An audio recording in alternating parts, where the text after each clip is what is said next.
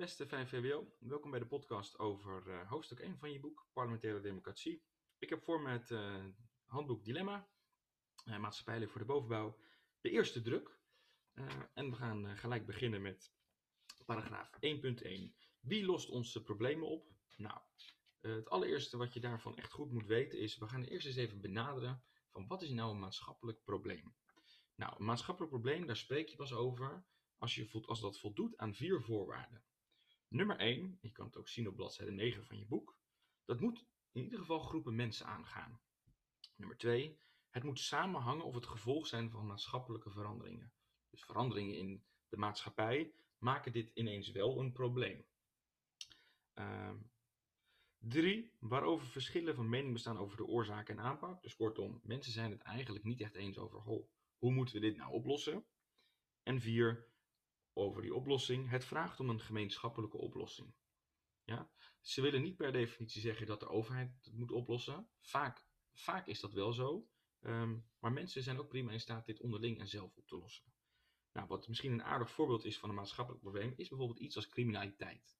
Want stel, we nemen even in ons hoofd criminaliteit en we gaan eens even goed kijken naar die vier voorwaarden. Nou, één, gaat dat groepen mensen aan? Antwoord daarop is denk ik ja. Uh, daders, slachtoffers, familieleden, noem allemaal maar op. Twee, eh, hangt het samen of is het gevolg van maatschappelijke veranderingen? Nou, ik denk dat je die vraag ook wel met ja kan beantwoorden. Denk even aan bijvoorbeeld dat als het economisch slecht gaat, dat wellicht uh, het aantal vermogensdelicten zullen stijgen. Ja, dus dat de, uh, de, criminaliteit die gepleegd wordt ook gerelateerd is aan de tijd. Zoals bijvoorbeeld nu zitten we, zitten we in, de informatie, in het informatietijdperk. Nu is er dus veel meer cyber, uh, cybercrime, computercriminaliteit dan vroeger. En drie, nou, zijn mensen het eens over van, goh, hoe is, uh, hoe is, dat, hoe is criminaliteit ontstaan en hoe moeten we het eigenlijk aanpakken? Dat denk ik dus ook. Ja. Je hebt aan de ene kant bijvoorbeeld mensen die zeggen van, willen een heel sterk repressief beleid. Dus die zeggen eigenlijk keihard optreden tegen criminelen, waarbij anderen misschien zeggen van, nou, dat hardstraffen, dat werkt niet zo goed gaan we het overigens later in het jaar ook nog over hebben. Je moet juist veel meer gaan kijken naar alternatieve straffen. Dus denk aan leerstraffen, taakstraffen, noem allemaal maar op. En vier, vraagt criminaliteit om een gemeenschappelijke oplossing? Dat denk ik wel. Ik denk niet dat individuen, uh, individu A en het zelf kunnen oplossen, maar hier is onder een breder vlak, uh, is hier draagvlak voor nodig. Nou, die maatschappelijke problemen die kan je een beetje ondervangen en dat gaat eigenlijk over conflicten tussen verschillende normen en waarden van mensen. Die normen en waarden betekenen eigenlijk, laten we eens beginnen met waarden. Waarden dat worden gezien als nastrevenswaardige eigenschappen. Denk even aan uh, vriendelijkheid, beleefdheid, respect, uh, dapperheid of moed. En normen, dat zijn allerlei gedragsregels waardoor je kan laten zien dat je die, dat je die waarde wil uitdragen. Dus stel mijn, uh, mijn waarde voor mij is heel belangrijk, dat is respect. Dan ga ik bijvoorbeeld ouderen met u aanspreken. Of uh, als mijn waarde is vriendelijkheid, dan zeg ik bijvoorbeeld mensen, uh, als ik ze aankijk, s ochtends gedag. Dus een waarde is een nastrevenswaardige eigenschap. En een norm is eigenlijk een gedragsregel waarop je die waarde laat zien. Nou, naast normen en waarden hebben mensen ook uh, belangen. Belangen verschilt daar een beetje van, want belangen gaat over de vraag waar mensen voordeel bij hebben. Dus een belang van mij nu is, door ook het maken van deze podcast, dat jullie een goede voorbereiding hebben voor de toets. Want dat uh, heeft, heeft down the line, zeg maar, heeft dat voor een voordeel voor mij. Ja, los van dat ik het natuurlijk, dat mijn waarde is vriendelijkheid en uh, behulpzaamheid, dat ik jullie graag help. Heb ik ook gewoon een aanzienlijk belang erbij dat jullie de toets goed maken. Dan komen we meteen aan bij het eerste nou, hoofdgedeelte, wil ik eigenlijk wel zeggen, van paragraaf uh, 1.1. Dat is namelijk een staat. En, en wanneer spreken we nou over een staat? Nou, dat heeft drie kenmerken. Allereerst, wat je nodig hebt als je een, eh, als je een staat wil vormen, is een omgrensd grondgebied. Dan, uh, nou, dat is vrij eenvoudig te realiseren. We kopen ergens een stukje grond. Dan het tweede, dat grondgebied wordt bewoond door een groep mensen, een volk. En dan de laatste, de staat heeft de hoogste macht, en dat noem je ook al met een mooi woord, de soevereiniteit. Hè? Dan ben je dus als staat letterlijk de soeverein, hè? De, de machthebber.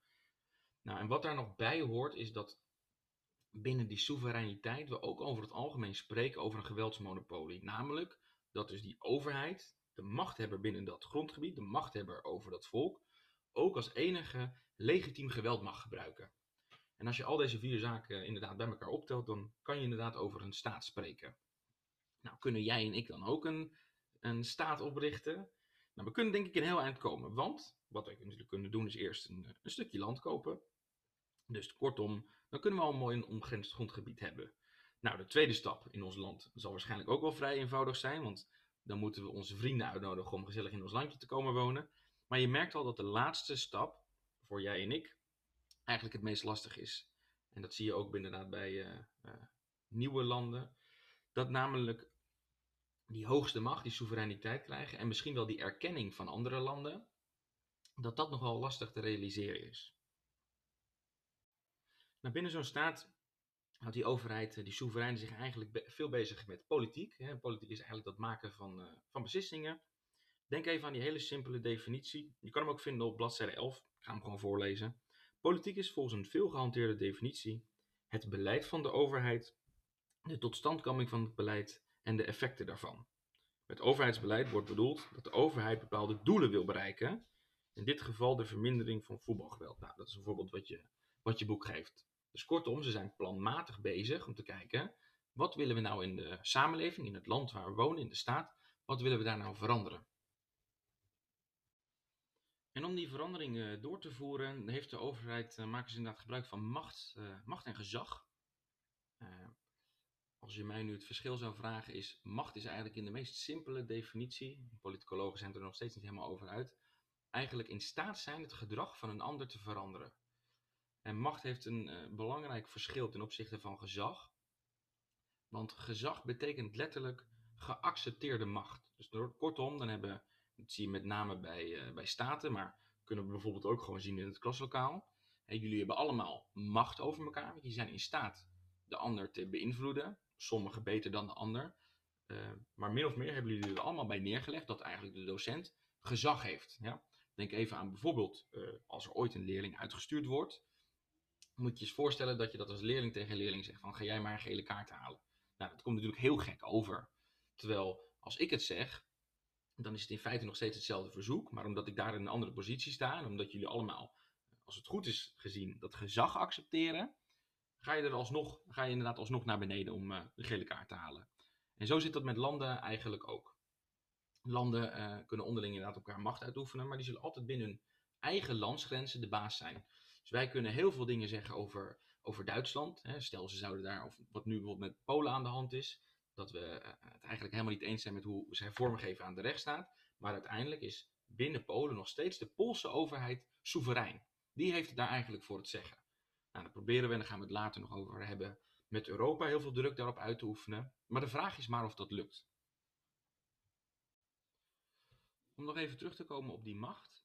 Uh, ja, macht wordt eigenlijk gebaseerd op machtsbasis. En daar hebben ze het over van hoe, wordt, hoe komt macht nou tot stand? Wat zijn daar factoren bij?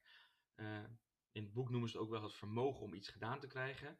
Maar denk dus bijvoorbeeld even aan bijvoorbeeld dat toegang tot financiële middelen, oftewel geld, functie, kennis, ervaring, dat zijn allemaal vormen van machtsbasis. Daarop, daarop is jouw macht feitelijk gebaseerd. Um, om even heel stom te zeggen, een Tweede Kamerlid heeft veel macht, maar je zou bijvoorbeeld kunnen afvragen van een profvoetballer verdient veel meer geld, heeft hij niet veel meer macht? Nou, dan ga je dus kijken naar die machtsbasis en dan zie je inderdaad van oké, nou de rol van, van financiële middelen is bij zo'n Tweede Kamerlid dan wel beperkt, als je het vergelijkt met een profvoetballer, maar de functie die hij of zij heeft, staat denk ik wel veel dichter bij de macht. Ja, want het is een van de 150 mensen uh, en als je binnen een coalitie kijkt, is het dan vaak, is vaak nog minder nodig. Die inderdaad gewoon, bij wijze van spreken, iedere wet er hier doorheen kunnen drukken. En dan heb je denk ik wel wat meer invloed, invloed dan, een, uh, dan een profvoetballer.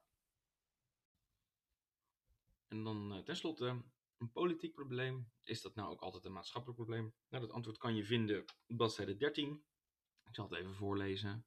Maar niet elk maatschappelijk probleem wordt altijd een politiek probleem. Zo werden bijvoorbeeld in Nederland opvoedingsproblemen lange tijd alleen als zaak van de ouders gezien. De overheid bemoeide zich er niet mee. Dit veranderde toen de samenleving steeds vaker werd geconfronteerd met verwaarloosde kinderen en jeugdcriminaliteit. Ook kinderopvang werd een zaak van de overheid toen meer moeders gingen werken en een goede opvang voor kinderen gingen eisen. Ja, dus zo zie je inderdaad niet alle problemen worden automatisch, uh, of niet alle maatschappelijke problemen worden automatisch politieke problemen. Zodra die politiek, Eerste, Tweede Kamer, ministers, staatssecretarissen, zich ermee gaan bemoeien, en maatschappelijke organisaties, ook wel civil society een beetje, um, dan wordt het pas inderdaad een politiek probleem.